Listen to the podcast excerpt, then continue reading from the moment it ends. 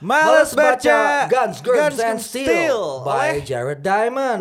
Oke, pemain ya. bola, Jared Leto. Jared Diamond. oh. Kalau Leto tuh agak lelet gitu kan. Oke. Jadi jokernya lelet. Cemen. Ini buku soal apa sih? Ini buku soal bagaimana kita di Asia dan semua manusia ini banyak yang dijajah. Kenapa kita dijajah? Oke, musre.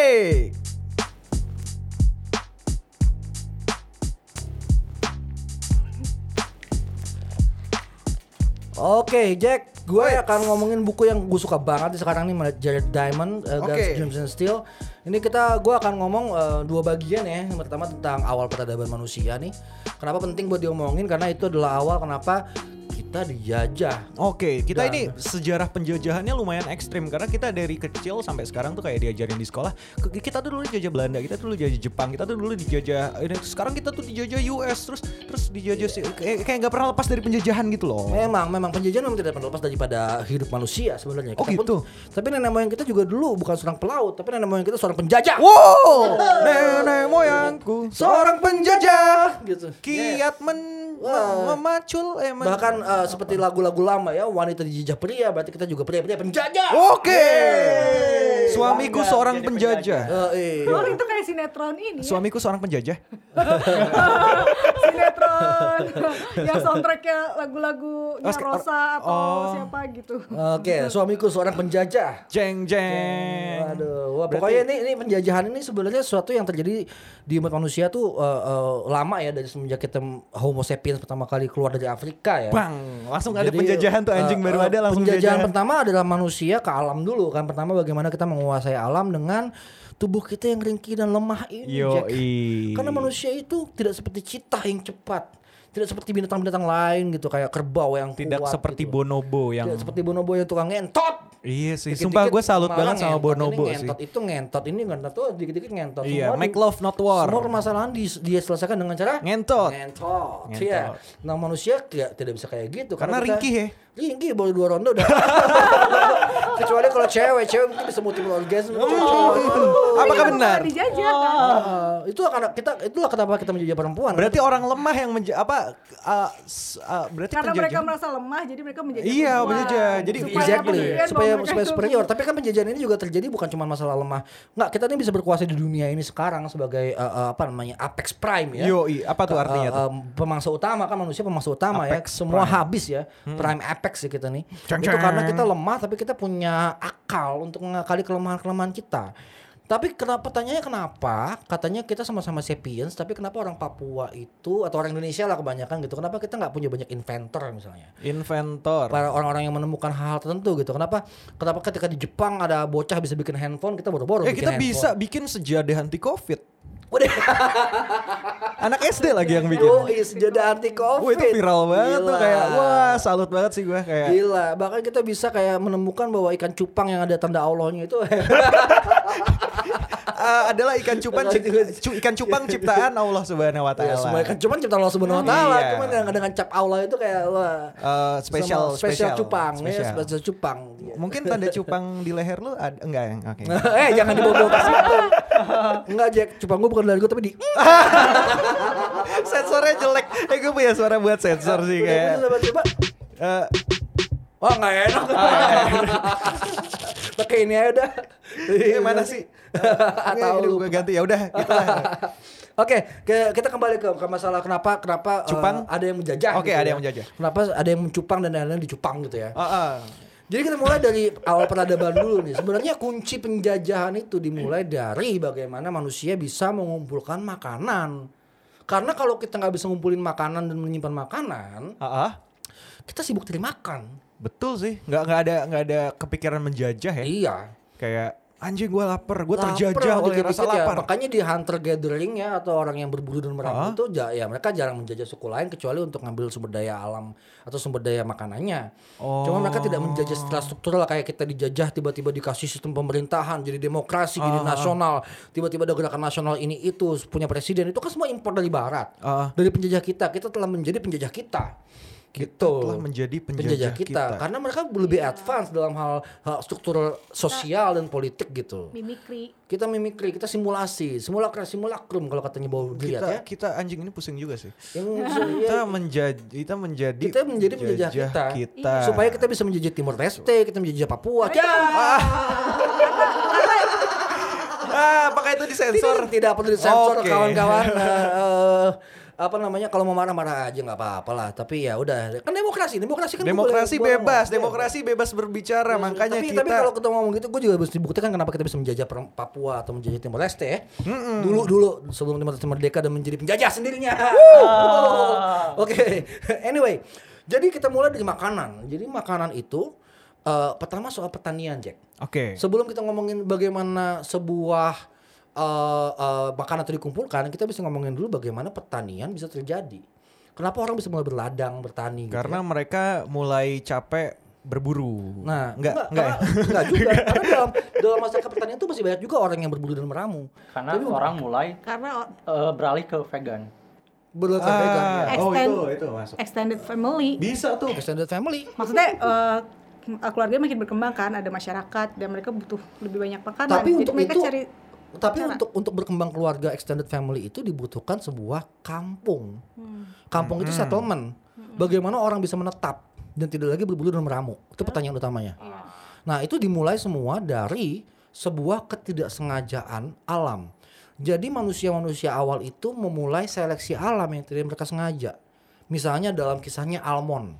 Kacang almond itu Itu memiliki itu kacang di Silver Queen bukan sih? iya. Iya. Kacang almond itu Kacang mede Kacang Bukan. bukan. Bukan. Ada almond Bukan. beda. Almond beda, Beda ya, Kalau beda. beda kan yang yang Kayak yang iya. kayak kecambah. kalau almond itu bentuknya kayak kayak kayak biji lol, Jack.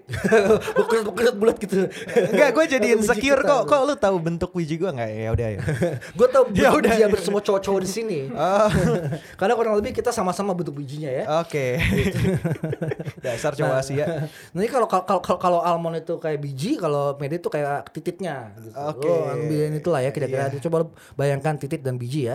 Itu almond dan eh, dan mete. Oke. Hmm. Mete. Oke, itu lebih simpel kan karena dengan seksualitas eh, kata Freud itu lebih gampang komunikasinya Hmm. kepada banyak orang ya. anyway, kita kembali ke masalah kacang almond Beda yang padahal. mengandung ya udah lah ya. Gue juga Udah. capek.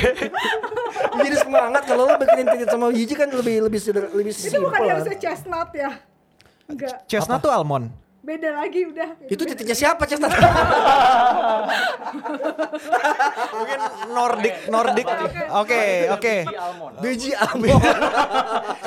Jadi kacang almond Oke, hubungannya ini sama Munir loh, kok sama Munir? Wow. Enggak, karena karena karena Apa? almond itu mengandung arsenik, Bro. Arsenik tuh pembunuhan bukannya ini. Racun buat bunuh racun racun yang buat Bukannya bunuh kopi Munir, arsenik. Bunuh, bunuh kopi eh, kopi-kopi si cewek min- min- Vietnam, kopi Vi- Vietnam Vietnam gitu. Iya. Beracun Jessica, Jessica, Jessica aduh arsenik. Jessica, Jessica seksi yang bersenjatakan arsenik gue pengen bikin film Femme soal itu deh, film, film, fatale. film fatal gitu kan. Dengan senjatanya di racun-racun gitu. Conan ya, di komik Conan tuh di Conan kalau misalnya orang si Conan yang nyium "Ih, ini bau al- bau almond berarti dia dibunuh pakai racun. pakai racun arsenik. Oke. Oke, Pokoknya tuh- baunya bau almond enak gitu jadi lu pengen makan gitu. Langsung ah ini enak banget, blok mati Ah. gitu. Nah, manusia-manusia zaman dulu itu jadi kita mesti bersyukur setiap kali kita makan enak ya. Karena Ha? setiap makanan enak yang kita makan adalah hasil pengorbanan nenek moyang kita yang makan sesuatu yang beracun.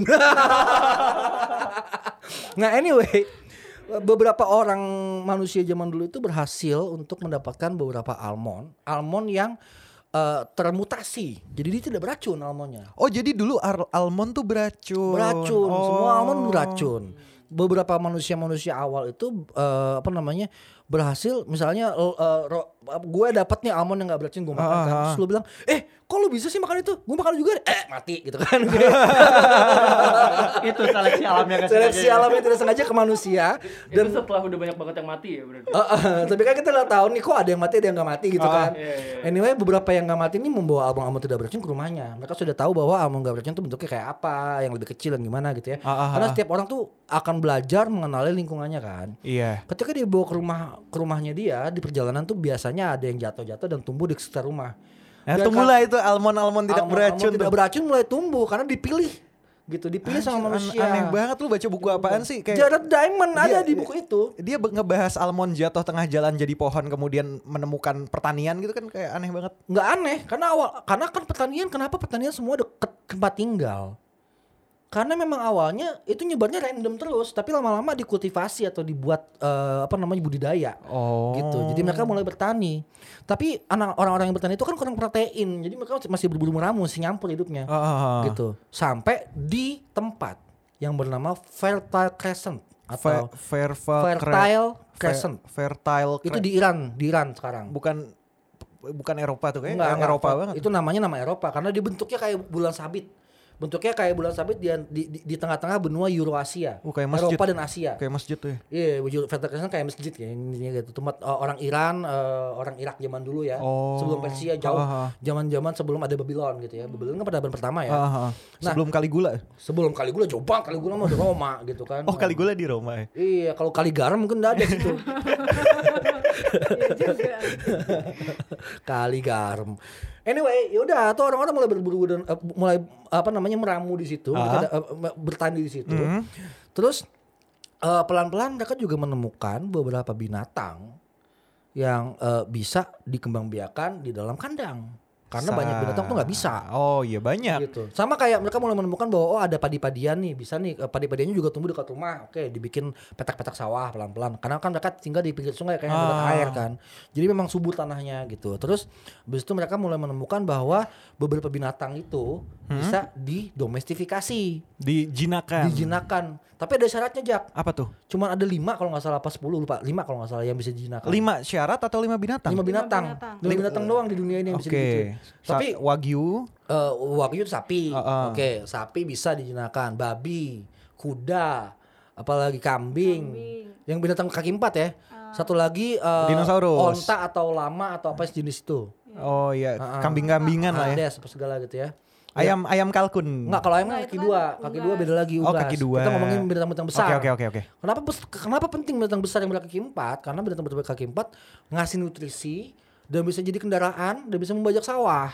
Sementara kaki dua enggak. Kaki dua membajak laut Betul, ya. membajak laut. Neret, neret, neret. Berarti palu gada ya. Palu gada. Nah, anyway ya itu. Tapi binatang-binatang lain banyak yang nggak bisa. Kenapa? Kayak kayak zebra nggak bisa dijinakan. Karena zebra benar-benar liar. Gitu. Meskipun bisa dia dijinakan. lucu gitu, dia liar dijinakan, Citah gitu. juga. Oh. Kita nggak bisa singa, harimau atau atau kijang gitu. Kijang tuh susah. Itu di di apa di di apa kebun raya apa yang kebun Nah, kijang? coba gue gue bisa jelasin itu. Kenapa kijang di kebun raya nggak dikandangin? Eh, itu dikandangin. Enggak, dilepas dulu. Kandangnya dilepas gede banyak. kan? Kandangnya gede tapi banyak yang dilepas. Kenapa? Karena binatang-binatang ini kayak kambing gunung, kijang, rusa itu nggak bisa ngentot kalau diliatin. Uh, seperti manusia ya. Kenapa? Jadi kalau dikandangin mereka nggak bisa ML karena mereka punya foreplay yang sangat Kalau panjang. manusia mah dikandangin. Manusia dikandangin bisa. Mengandangi Manusia- diri kalau- sendiri. kalau- kalau- kalau- Kalau manusia sapiens ini memang lucu sapiens ini kalau sapiens sapiens apalagi zaman modern semuanya mesti dikandangin buat ML. Tapi kalau kalau zaman dulu Zaman Adam Hawa kan di surga kan lagi lari. Ah, Adam Hawa film India lagi lari. Ah. Jalan dulu. Ah. Makanya diusir. ah berisik lu turun aja lu. Tapi kan sekarang nggak ada yang public tuh. Public University. Back to nature baby. Back to nature. Itu liar tuh. Dia Anyway, ketu- bina- jadi keturunan ada- zebra. Ada beberapa binatang yang tidak akan mungkin bisa dikembangbiakan. Ya, kayak Oh. misalnya tadi yang yang tidak bisa ber, ber apa Hala. eh, ber ML di apa namanya nge- ngentot di Ah, ah. kandang. Ah, ah. tidak bisa ya lo kalau diliatin dia nggak mau ngentot tuh. Kayak ih malu jangan liatin aku. Mau jangan liatin aku dan dia butuh lari-lari buat ML gitu. Oke. Iya kan? Ya, sama kayak ayam juga kan kalau mau ML lari-lari dulu kan Oh iya, kejaran. Kucing juga terbang-terbang. gitu, kucing juga kejar-kejaran gitu. Berisik lagi. Ah, ah, kucing juga nggak bisa diternakan tuh, kucing nggak bisa di nggak bisa dikandangin kayak gitu. Dia kalau mau ML dia mesti dilepasin luar, keluar dulu yang gede, kandang gede dia kira di alam baru dia bisa ML. Makanya ketika kita ke kebun binatang, eh, semua yang bred in captivity Hah? tuh nggak bisa bred di dalam kandang, dilepas dulu pasti di kandang yang gede banget.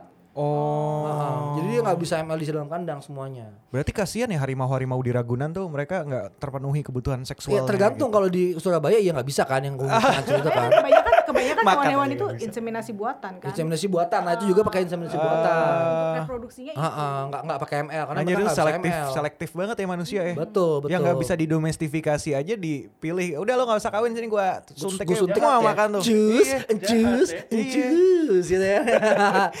Terus ada, ada lagi binatang-binatang yang tidak punya alfa eh, tidak punya alfa. Oh, iya. Maksudnya dia nggak ngikutin pemimpinya. Sedangkan kalau kalau binatang-binatang ternak itu yang berkaki empat biasanya Punya alfa. alfanya tuh punya alfa dan dia bisa digantikan sama manusia sebagai gembala. Gitu. Bisa manusia, bisa anjing yang jadi gembala Ah, dia. ah, ah. Sementara binatang-binatang yang nggak punya alfa atau berjuang buat jadi alfa gitu ya. Kayak babon gitu susah gitu ya. Oh alfanya ini ya. Ini jadi apa- jadi manusia tuh ternak ya. Manusia tuh semakin ke sini makin kayak ternak sebenarnya memang. Iya. Di kandang-kandang kubikel-kubikel, apartemen-apartemen Dan gitu ya. punya gembala. Dan punya gembala dan ada waktu kerja dan waktu itu benar-benar persis kayak ternak gitu kita sekarang ini gitu. Iya sih. Nah, nah Ditentukan kapan kita harus reproduksi, mulai betul reproduksi, betul menikah kapan musim kawin Iya. gitu nggak boleh kawin kapan gitu ya. Harus lapor dulu kalau mau Lapor dulu. reproduksi. Makanya gue nggak suka tuh kapan kawin kapan kawin kawin aja udah gitu kan. 24 hours day. Oke, Aduh. panggil saja nomor telepon gue 0811 ya. Lawan satu satu satu satu satu satu satu satu. ya itu ya. Jadi setelah mereka bisa membuat itu, mulailah terjadi gudang-gudang makanan. Yo, gudang garam nih. Gudang garam ada garam nggak usah di gudang di, laut kan. Makanan-makanan tuh biasanya gandum gitu kan apa empal-empal tuh kan jadi daging-daging yang dikeringin tuh masuk gudang Ah, makanan iya, bisa iya, iya. dendeng dendeng kompal Oh, ikan ikan kering. dendeng juga. ikan ikan Ikan kering gitu ikan asin Hmm. Nah dengan adanya gudang makanan mereka membentukkan sebuah sistem untuk ngitung mana yang udah bayar pajak mana yang belum mana yang udah nyetor makanan mana yang belum dan itu dibuat dengan institusi agama dan dari institusi agama itu muncullah para scriptures atau script-script ini Script writer. script writer Woi, Nah, script writer ini tugasnya bukan bikin huruf tapi bikin eh, laporan barang masuk barang keluar setiap Bendahara bulan. ya, Bendahara. bendahara. Bendahara. Nah, bendahara inilah penulis-penulis pertama di zigurat itu, di zigurat di di Babylon kuno gitu. Nah, mereka bikin tulisan, dengan adanya tulisan juga dengan adanya gudang makanan banyak yang nggak usah berburu meramu, mereka mulai bikin distribusi kerja dari orang-orang peasants yang bertani, para pemburu yang berburu makanan, para peternak gitu ya, para, para prajurit. Nah, itu penting tuh prajurit ya. Itu yang tukang malakin orang gak sih? tukang malakin orang, ya kan? Dan aristokrasi. Aristokrasi berarti raja-raja feodal zaman Kok dulu. kok bisa ada raja Dan ya maksudnya agama. aneh banget kayak. Karena raja itu dibentuk sama agama. oh, dari Tuhan, raja itu dari Tuhan oh. gitu. Oke. Tuhan atau dewa-dewa menunjuk raja yang keturunan dia Hah? dengan klaim perang dan prajurit tentunya gitu ya. Gitu. Dengan ada tulisan juga kan membantu itu sebenarnya, membantu adanya raja-raja itu atau ada lisan tradisi lisan cerita-cerita dongeng-dongeng tentang tentang raja dan raja tuh mesti ada naratifnya kan. Membuat jadi raja, naratif itu mesti disahkan oleh orang-orang yang memegang tulisan yaitu para pemuka agama. Hmm. Oke, dengan itu terjadi sebuah struktur sosial. Dan dengan sosial, dengan perang, dengan tulisan, maka terjadilah sebuah zaman sejarah di mana mereka yang punya alat-alat ini bisa mulai menjajah.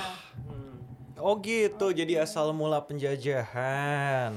Gitu. Nah, tapi pertanyaan-pertanyaannya ada yang penting-penting yang dibahas sama Jared Diamond. Misalnya, bisa nggak ada peradaban dengan eh, model ber, apa namanya menetap dengan binatang ternak yang ada di situ, dengan raja, dengan prajurit, tapi tanpa tulisan.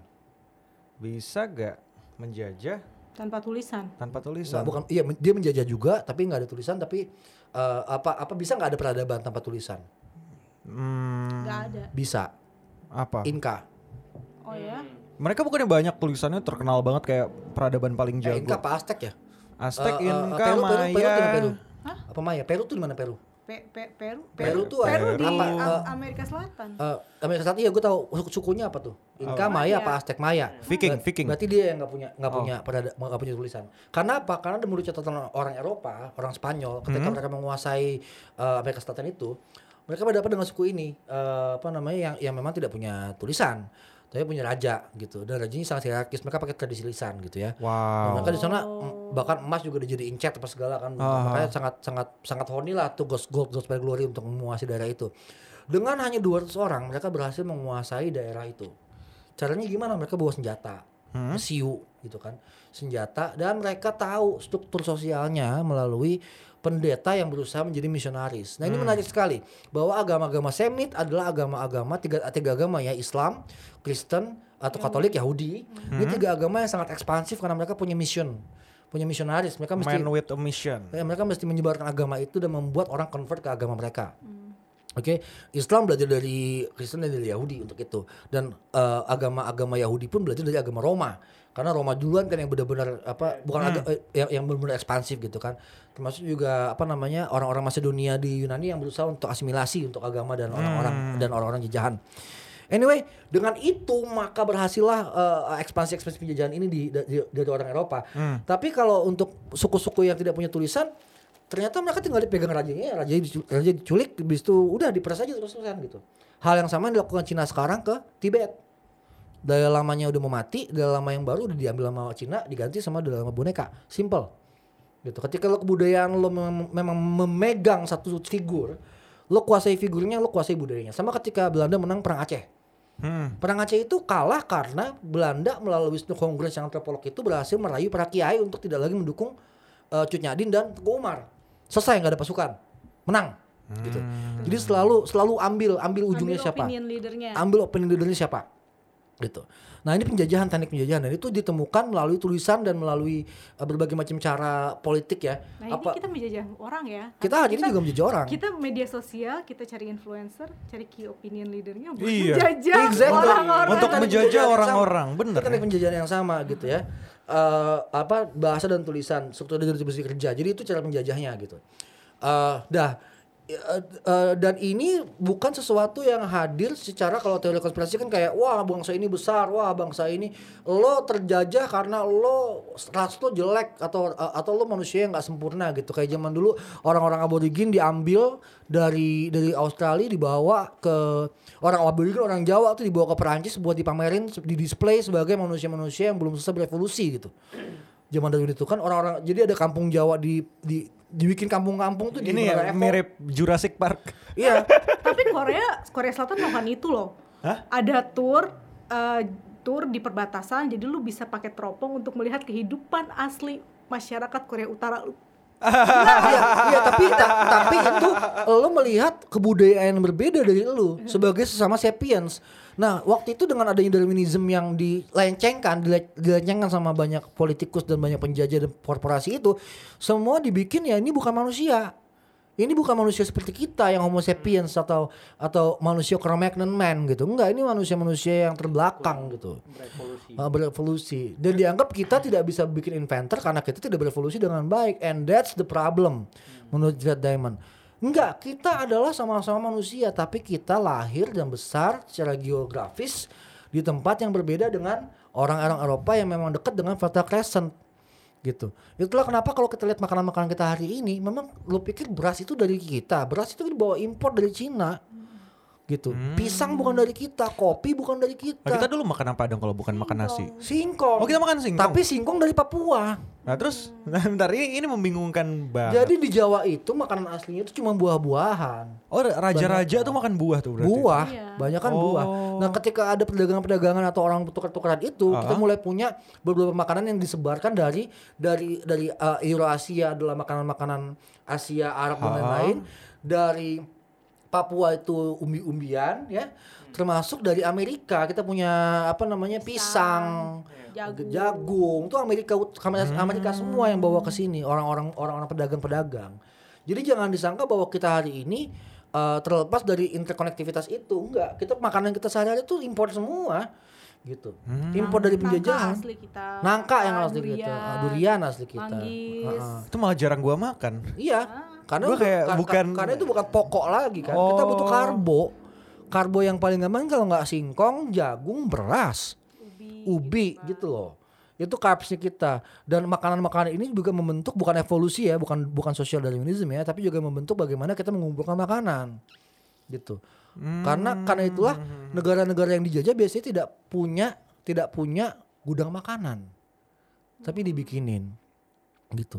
Dibikinin demi kepentingan kolonial gitu loh. Itu yang paling penting dari dari sini. Oke, sebelum gua buka open, eh, tapi kira-kira begitu ya. Tapi sebelum gua buka open eh, questions ya, mungkin ada saatnya kita break dulu ya. Musik masuk lagi.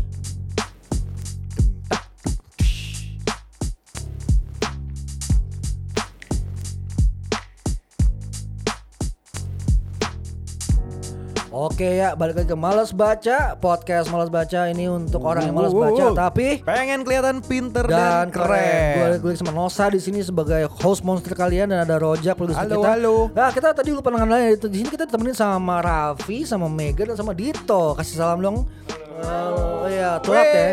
Eh, agak telat ngenalnya cuma kita udah hot banget tadi ngomongin soal soal apa namanya eh, bagaimana kita dijajah bangsat bajingan busuk ini menjajah-jajah kita.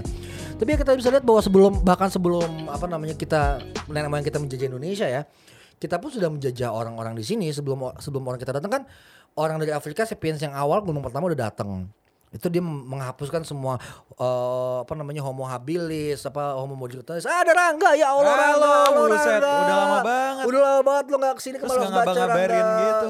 coba gak ambil bangku lo tuh di belakang situ gak supaya supaya lo bisa kedengeran di mic ya bangku Iya. juga gak ya tuh geser geser sini geser sini ngos-ngosan juga ah iya Oh, ngos-ngosan lari? dia olahraga dia biasa ini sekarang katanya jadi kontraktor gitu kontraktor buat macam-macam project-project eh, yang haram-haram Project Haram. Project haram. Oke ya, kita balik lagi ya ke malas baca pas banget lo gak lo datang di sesi 2 nih gak. Kita lagi ngomongin lagi ba- balik lagi kita ngomongin Jared Diamond tapi eh, kan, apa namanya tapi dalam dalam dalam em, sesi tanya jawab. Tanya Ceng, jawab. ceng. ceng ceng ceng ceng ini enggak ada. yang Tanya bisa- jawab eh, apa ya? Ada ada gak ya? Kita kita coba cek. Coba. Tanya jawab. Tanya jawab. Ayo, silakan bertanya apa? Ada yang mau nanya nggak? Ah nggak asik. Kok jadi nggak mau nanya? Jadi nggak mau nanya. Oke, kalau gitu sih nggak nggak bingung. Bingung nggak? Karena nggak Bingung bingung. nggak? Nggak bingung kayaknya. Nggak bingung ya? Berarti gue bayar gue jelas jelas. Yo. Oke, berarti lo boleh bisa ngemeng-ngemeng ke teman-teman lo bahwa lo baca Jared Diamond. Eh, apa namanya Guns, Germs, and Steel. Tapi ada tiga tiga hal sih gue tambahin dikit ya. Kenapa Guns, Germs, and Steel? Karena kebanyakan penjajahan itu juga berhasil karena adanya selain dia punya guns, dia juga punya germs. germs. Germs, Bakteri. germs, bakteri, penyakit-penyakit gitu. Kayak, Penjajahan uh, bisa berhasil atau tidak berhasil gara-gara germs. Misal, eh waktu orang Eropa itu ke Amerika, mereka nyebarin smallpox pada mati semua tuh. Smallpox tuh apa sih kayak flu gitu bukan sih? Campak, Oh, campak. campak. Oh. penyakit campak sebelum Beda. apa? Beda. Beda, beda, beda. Jadi campak ini disebarin sama orang pelaut-pelaut dari Eropa. Mereka Cacar ya bener ya. cacar bukan campak, cacar nggak sih? Cacar. Cacar, semua cacar. Iya. Nah, penyakit cacar ini disebarkan oleh orang Eropa yang datang dari sebuah tempat yang densely populated atau sangat ramai dan dempet-dempetan. Tempat di mana epidemik biasa terjadi. Jadi memang dari kota ke desa tuh biasanya sangat berbahaya tuh ya. Hmm. Bagaimana orang kota kalau lo ke kampung yang rural, ru- rural ya, lo bisa bawa penyakit tuh ke kampung itu. Bawa penyakit yang lo udah kebal, orang kampung enggak gitu. Bahaya banget itu. Jadi apa yang terjadi sama uh, uh, orang orang orang Amerika, orang Amerika Amerika Native American ya, adalah dibawalah campak oleh orang Eropa ini pada mati semua. Jadi kenapa orang orang Spanyol bisa dengan 200 orang menghabiskan satu suku yang puluhan ribu orang? Itu karena dua hal. Pertama rajanya diambil, kedua mereka nyebarin campak. Eh, cacar. Itu itu secara secara sengaja. Ah, gue pengen nyebarin cacar lu. Oh nggak sengaja, mereka nggak tahu kenapa pada mati. Dan matinya itu benar di jalanan gitu. Oh. Pada mati kenapa nih? Padahal cacar pada mati nggak tahu kenapa karena mereka sudah kebal, sementara orang ini enggak gitu. Gitu ya. Iya. Itu satu. Tipes juga. mereka mereka udah lebih banyak berinteraksi sama hewan-hewan yang didomestifikasi. Ah iya betul. Nah, kalau misalnya di eh, apa Eurasia itu kan mereka udah lama eh, jinakin sapi, kuda. Nah, sementara di seluruh benua Amerika itu hewan yang eh, hewan pekerja yang mereka domestifikasi itu cuma apa ilama itu ya. Lama lama. Ya, cuma ilama. Heeh. Cuma lama. Nah, eh, virus itu kan eh, awalnya dibawa dari hewan. Iya. Eh, awalnya dibawa dari hewan. Karena di seluruh benua Eurasia itu udah banyak hewan yang didomestifikasi eh, dan jumlahnya banyak, tinggalnya samping-sampingan manusia. Eh, makin lama setelah beratus tahun orang-orang itu mulai kebal sama smallpox dan semacamnya hewan-hewan yang dibawa apa virus-virus yang dibawa sama hewan ternak sementara Karena mereka udah pernah ngalamin, Heeh. jadi mereka udah punya udah kekebalan iya, uh, udah, imunitas udah, udah, udah alami. berapa generasi lah tuh ngalamin smallpox pas dibawa ke Amerika yang eh, kalau gue ingat tuh mereka aja kaget ngelihat Spaniards itu pada naik kuda kan turun mereka belum pernah ngeliat kuda nih apa Iya, kuda kan juga dibawa.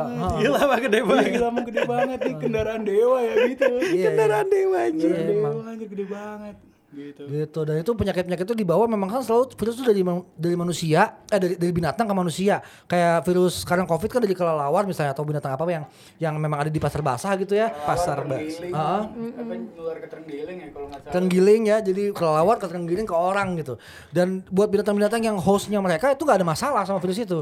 Tapi begitu kena kita, kita kena langsung habis. gitu. Boom. Wah, Boom. covid, Ah, covid, covid. covid, covid, covid. Sementara ya, sementara dimalas baca. Sementara orang-orang berkumpul. Tapi tenang, kita punya safety protokol. Maksudnya oh, bukan safety apa namanya? Iya, kita punya sejadah yang bisa anti covid. Ah! Nggak gitu dong. Musik deh. anyway ya jadi jadi kita bicara soal itu ya soal soal bagaimana penjajahan itu terjadi juga dari, dari, germs Yang itu tidak disengaja juga. Tidak sebenarnya. disengaja juga. Buset. Tapi- manusia ini penuh Tapi dengan ketidaksengajaan. Hah? tapi sekarang ka- konon katanya disengaja Oh, biological weapon. Oh, biological weapon. itu itu asal asalnya kenapa ada biological uh, weapon tuh karena memang ada sejarahnya bahwa virus itu memang bisa menjadi pembunuh massal kan bukan virus sih virus dan bakteri waduh biological weapon Bukan sperma ya. Dadik. Sperma kan? Dadik. Itu juga weapon itu juga. biological. Itu itu itu bukan itu bukan pem- pembunuhan massal tapi biological weapon yang bentuknya sperma itu adalah asimilasi tools gitu ya. Untuk menjajah lu bisa kawin campur men. Ya. Jadi impor, impor tikus tuh ya impor impor tikus jadi masuknya tikus ke suatu negara tuh kan di concern banget Oh. iya karena kan tikus kan masuk lewat kapal tuh Hmm, iya ya. Tunggu sejak kapan tikus jadi komoditas? bukan, bukan komoditas. komoditas. dia nggak sengaja masuk Nggak sengaja. Iya. nggak Tikus sengaja ke bawah kapal. Tikus itu ada di tempat di mana pun di mana lu nimbun makanan men. Iya. Tikus tuh bakal selalu ada. Nah, Anjir, makanya disebut ti- di, tiap peradaban itu yang ada di pasti kan ada nimbun makanan ya masuklah tikus di situ. kemudian tikusnya pindah negara kan Mm-mm. Menginf- menginfeksi semua Wah, negara semua orang itu di jadi. Itu ilegal dulu Iya dan dan dan harus dita- kita mesti tahu juga bahwa banyak hampir semua makanan kita hari ini binatang ternaknya bukan dari kita. Ayam aja bukan dari kita, tikus bukan dari kita. ayam bukan dari kita? Ayam bukan dari Indonesia, bukan dari Jawa. Terus yang, Ayam dari, Cina. yang dari kita apa? Ya tadi, ya buah-buahan, iya gitu kan. Tapi binatang ternak nggak ada yang dari kita. Umbi umbi Umbi-umbian, babi hutan, babi hutan nggak bisa ternakin, gitu. Rempah rempah-rempah pun ke, ke timur lagi, rempah-rempah itu pala dan lain itu di, di, di Indonesia di Timur. Indonesia Timur, bukan di bukan di Jawa gitu. Terus yang pertama kali bawa padi ke sini siapa? Cina, Cina ya? Cina. Oh, bukan India.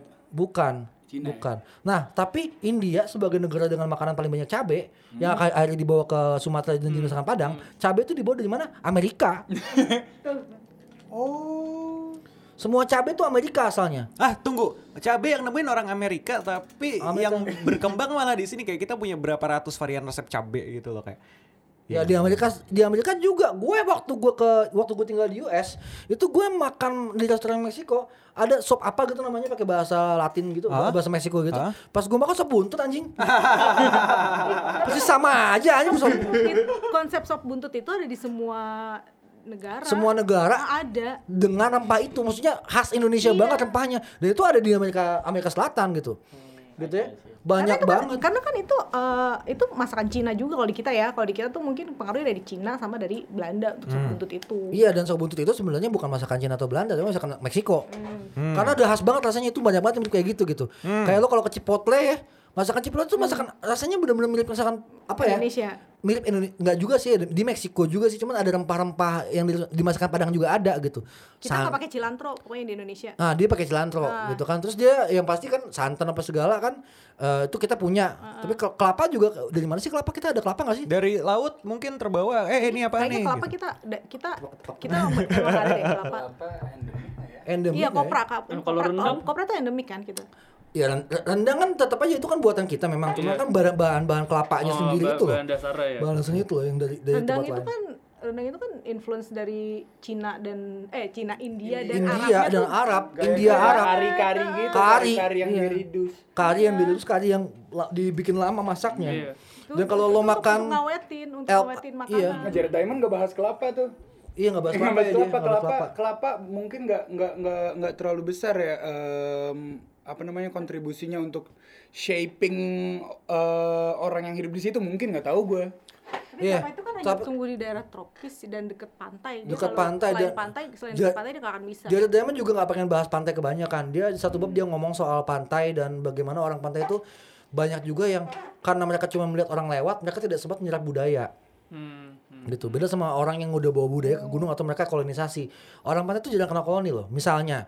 Yang terjadi sama orang orang Papua Nugini yang berhadapan sama orang-orang Makassar atau orang-orang eh, apa namanya eh, apa sih orang-orang pelaut itu tuh? Yang dari timur eh, Bajau. Bajau Bajau.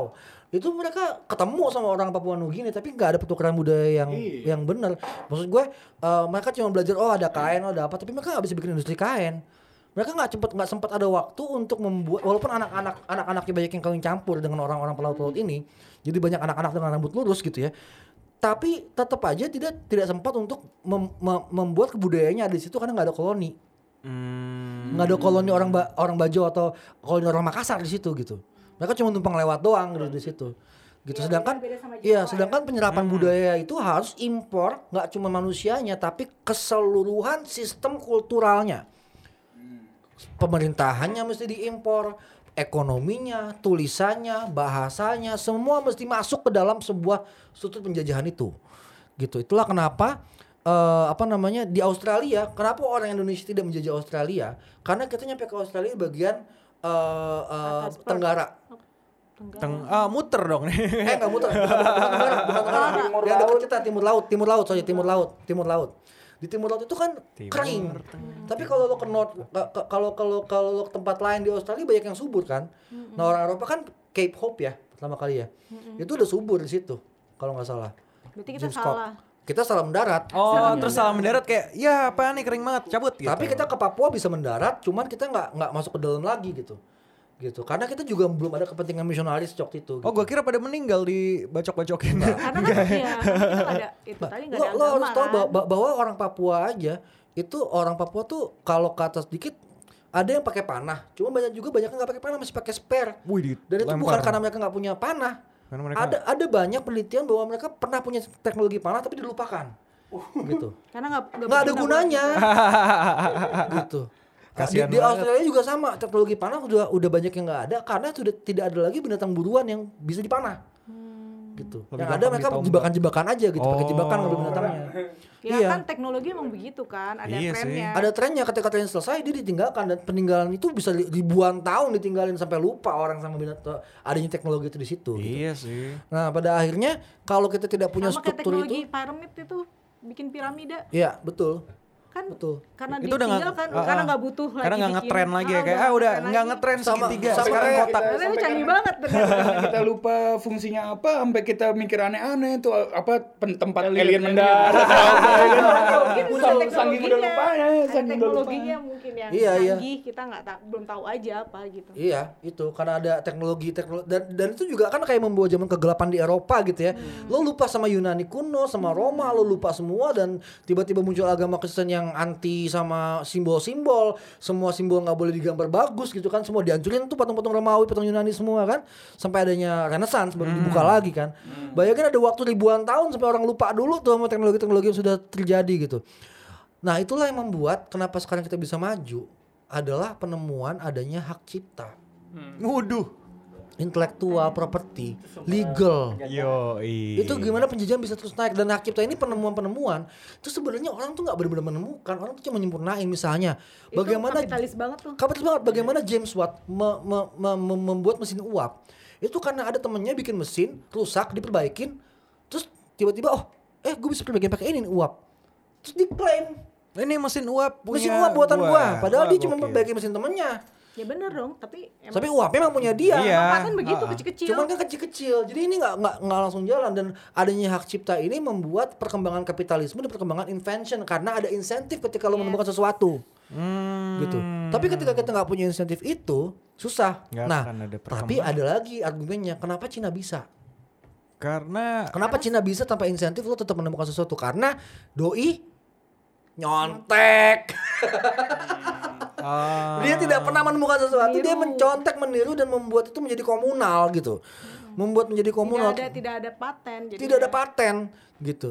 Tidak ada paten diaturnya gimana? Oke lo punya barang lo mahal. Gue nggak mau ikutan aturan hak cipta lo gue bikin sendiri barang kayak lo karena apa? Lo butuh gue buat bikin eh, spare partnya kan gitu. Ah iya Cina Iya Cina kan? bargaining dengan spare partnya lo ngasih ke gue desainnya desainnya gue copy buat bikin Xiaomi. Dengan teknologi Apple gitu loh gitu kan Itu itu dia dia sebenarnya memanfaatkan modal SDM dia yang banyak banget tuh. Iya. Dia berhasil tuh. berhasil Kita nggak berhasil. Heeh. Kita emang eh, kita kita iya sih. Kita nggak berhasil juga banyak banyak juga sih kita kenapa, kenapa kita nggak berhasil mengikuti itu. Eh, walaupun sekarang Jokowi sudah buka public handphone ya di Indonesia udah buka kan sekarang public handphone. Bukannya dari dulu itu Advan terus Mito. Tapi kan masih banyak Tapi yang kan pabrik yang kabur juga banyak Nike. publik yang kabur juga banyak gitu. Nah kita kan berusaha ngikutin Cina soal itu kan. Cuma kan barang-barang tetap dari Cina dong gitu. Dan lo tahu nggak bahwa beberapa minggu terakhir ini Joe Biden tuh berusaha untuk mengkat supply chain dari Cina. wow. Karena mereka pengen bikin industri sendiri di Amerika. Oh, berarti apa bedanya sama Trump? Kebijakannya kan kemarin juga Trump. Tapi Trump tuh cuma bluffing. Ini enggak gitu. Tapi akhirnya para pengusaha juga marah gitu karena banyak eh, nggak marah juga sih sebenarnya Joe Biden tuh cuma nggak bluffing tapi dia akan membuat beberapa barang di Amerika tapi tetap mostly akan tetap dari Cina karena nggak nggak bisa orang nggak bisa mereka memenuhi kebutuhan buruh Amerika. Buruh Amerika tuh mahal banget. Iya, mahal BM. BM mahal Hal yang sama terjadi di Indonesia. Karena serikat buruh kita cukup kuat Iya. gitu. Dia mau langsung kalau ada kayak gitu. Kalau Cina lo ngomong diculik. Organ tuh dijual, sederhana gitu. Tiba-tiba hilang. Tiba-tiba hilang organ tuh dijual, lo nggak bisa ngomong macam-macam. Terus, Dan eh, di sana eh, orang-orang yang di penjara itu ya dipekerjakan dipekerjakan di pabrik jadi buruh, pabrik. Gitu. Dan semakin ke sini kan semakin surveillance semakin canggih dengan handphone dan lain-lain ya. Iya cuy. gitu. Lo bahkan lo bisa dapat poin dari belanja. Misalnya lo belanja minuman poin lo berkurang. Minuman keras gitu ya. Tapi kalau lo belanja peralatan bayi apa segala poin lo bertambah. Dengan belanja lo dicatat sama pemerintah lo bisa dapat kerjaan. Atau kehilangan kerjaan gitu. dicatat semua lo belanja apa. Dan semua pakai cashless semua kelihatan lo belanja apa. Untuk kita tinggal di Indonesia di mana poin-poinan enggak eh tapi nggak untung juga karena kita tergantung sama Cina banget sekarang ini. Eh, jadi intinya kita kita tergantung Kayaknya sama semua Kayak semua negara Semua iya negara tergantung sama. Cina. sama Cina. sama Cina tergantung banget Berarti nggak gitu. beruntung kita hidup di zaman sekarang. dan lo bisa lihat Cina bahwa kembali ke masa dia waktu Masa dia jaya. masa jayanya dia. Iya. Nah Cina itu adalah negara bisa dibilang adalah negara tertua di dunia sekarang yang masih bertahan. Dia old nation yang masih ada sekarang. Sementara old nation yang lain cuma bentuknya ethnic group ethnic group kan kayak tribal tribal tuh old nations kan. tribal. tribal tribal bentuknya sekarang kan dan tribal ini juga termasuk Kesultanan Yogyakarta, Yoi. Surakarta tuh tribal tribal old nations gitu sisa-sisa kejayaan masa lalu. Tapi Cina dari tahun 5000 sebelum Masehi udah jadi negara. Gitu. Eh, ini ya. Dibentuk berdasarkan kesepakatan orang-orang yang tinggal di situ sendiri bukan karena mandat langit. Betul. Betul. Bukan karena Dengan langit. semua perang-perang dan yang semua yang menjalankan itu Cina tuh negara paling tua sekarang. Dan gitu. katanya mereka itu sengaja atas kesepakatan mereka sendiri jadi satu negara buat nge-manage itu Yellow River ya. Iya. Itu ya kan. Betul, Buat Yellow ngurusin eh, apa bikin policy tentang eh, pembuangan sampah dan semacamnya tuh tentang negara di hulu sama negara apa kerajaan di hulu sama kerajaan di hilir akhirnya Iya. Sistem pemerintahan yang emang udah dewasa gitu Iya, yang udah dewasa. udah Iya. matang gitu. Udah matang sistem pemerintahnya udah matang memang memang- Karena kita impor. Mm, kita impor dan bagai karena mereka sudah punya ketika ada yang masuk impor mereka akan modifikasi gitu. Nah, lalu apa hubungannya perbincangan tentang Cina yang cukup panjang sebagai negara yang ada di dengan eh, Jared Leto eh Jared Jared Diamond. Diamond. Karena ininya negara Cina tuh nggak pernah dijajah. Loh, anomali dong. Maksudnya penjajahannya tuh sedikit-sedikit gitu loh. Jepang iya, tapi invasinya tuh nggak nggak nggak bener lama, nggak koloni, nggak ada koloni yang tetap bertahan di Cina tuh nggak ada. Gitu. Indonesia Jepang juga bukannya hanya menguasai Manchuria doang ya? ya paling cuma apa ada, ada iya kan iya, Manchuria aja. Manchuria aja dan itu Mancur ya, Ya mancur itu itu dikit-dikit gitu. Inggris pernah menduduki, menduduki menduduki aja tapi nggak pernah koloni loh. Oh, nggak pernah di Inggris juga cuma Jepang eh apa Hong Kongnya doang. Gitu. Dan negara-negara lain nggak pernah koloni siapa Kamboja ya? Thailand, Thailand. Thailand juga nggak pernah. Oke. Laos. Laos. Greenland. Dan itu juga kan berarti negara-negara yang tidak pernah dikoloni itu juga mem- memiliki kekuatan-kekuatan lokal gitu yang membuat mereka cukup cukup eh, apa namanya kuat untuk untuk eh, nggak dikoloni. Indonesia pun sebenarnya dalam waktu 300 tahunan gitu ya, walaupun kita sempat dijajah sama Belanda, tapi kan abis 45 perang dunia kedua koloninya selesai begitu aja. Beda bandingin nasib kita dibandingin sama Australia atau Amerika atau New Zealand, abis Hmm. gitu. Suku natifnya habis semua, kita enggak gitu. Karena Thailand waktu itu kan si Chulalongkornnya ya yang yang hebat ya maksudnya yang yang yang yang dia bikin policy bahwa eh, orang asing nggak boleh hanya boleh hanya punya batasan haknya apa di sana gitu. Jadi mereka nggak bisa sampai sampai bikin koloni yang bener-bener kuat gitu. Oh, itu seperti langkah Kesultanan Yogyakarta yang bahwa orang di luar Jogja nggak boleh punya tanah di Jogja tuh. Emang masih kayak gitu sekarang ya? masih kayak Masih ya? gitu. Iya, masih kayaknya akan direvitalisasi lagi itu menghindari penjajahan dari suku sendiri kayaknya. Tapi intinya gitu, eh, kita sudah bahas bahwa oke kita ngomong kenapa kita dijajah ya pertanyaannya kenapa kita menjajah sama kita juga sering menjajah orang lain kok gitu. Kita menjajah bangsa-bangsa atau atau atau kapitalis atau korporasi juga menjajah kita gitu. Kita masih terus, terus dijajah dengan sistem-sistem baru gitu ya. iya, sistem podcast Sistem baru. Podcast baru apa segala nih kan apa. Gue merasa terjajah. Kak, kalian juga dijajah dengan kebodohan kalian nggak baca buku gitu kan. Jadi kalian percaya aja apa yang gue bilang. Karena lo tinggal terima aja deh apa yang gue bilang. Do what I say, don't do what I did, oke? Oke. Do not read, just do what I do, do what I say, kan oke? ini pembagian tugas Pembagian Ada yang baca. Ada yang baca A ada yang baca B ada yang baca Tapi dengan lo nggak baca apa yang gue baca, lo nurut sama gue. Kalau gue bohong, lo percaya aja dong. Betul, karena lo nggak baca. Oke, karena lo nggak baca. Oke, udah 45 menit kawan-kawan. Terima Iya. kasih banget udah ikut malas baca kali ini dengan Jared Diamond ya. Bye bye.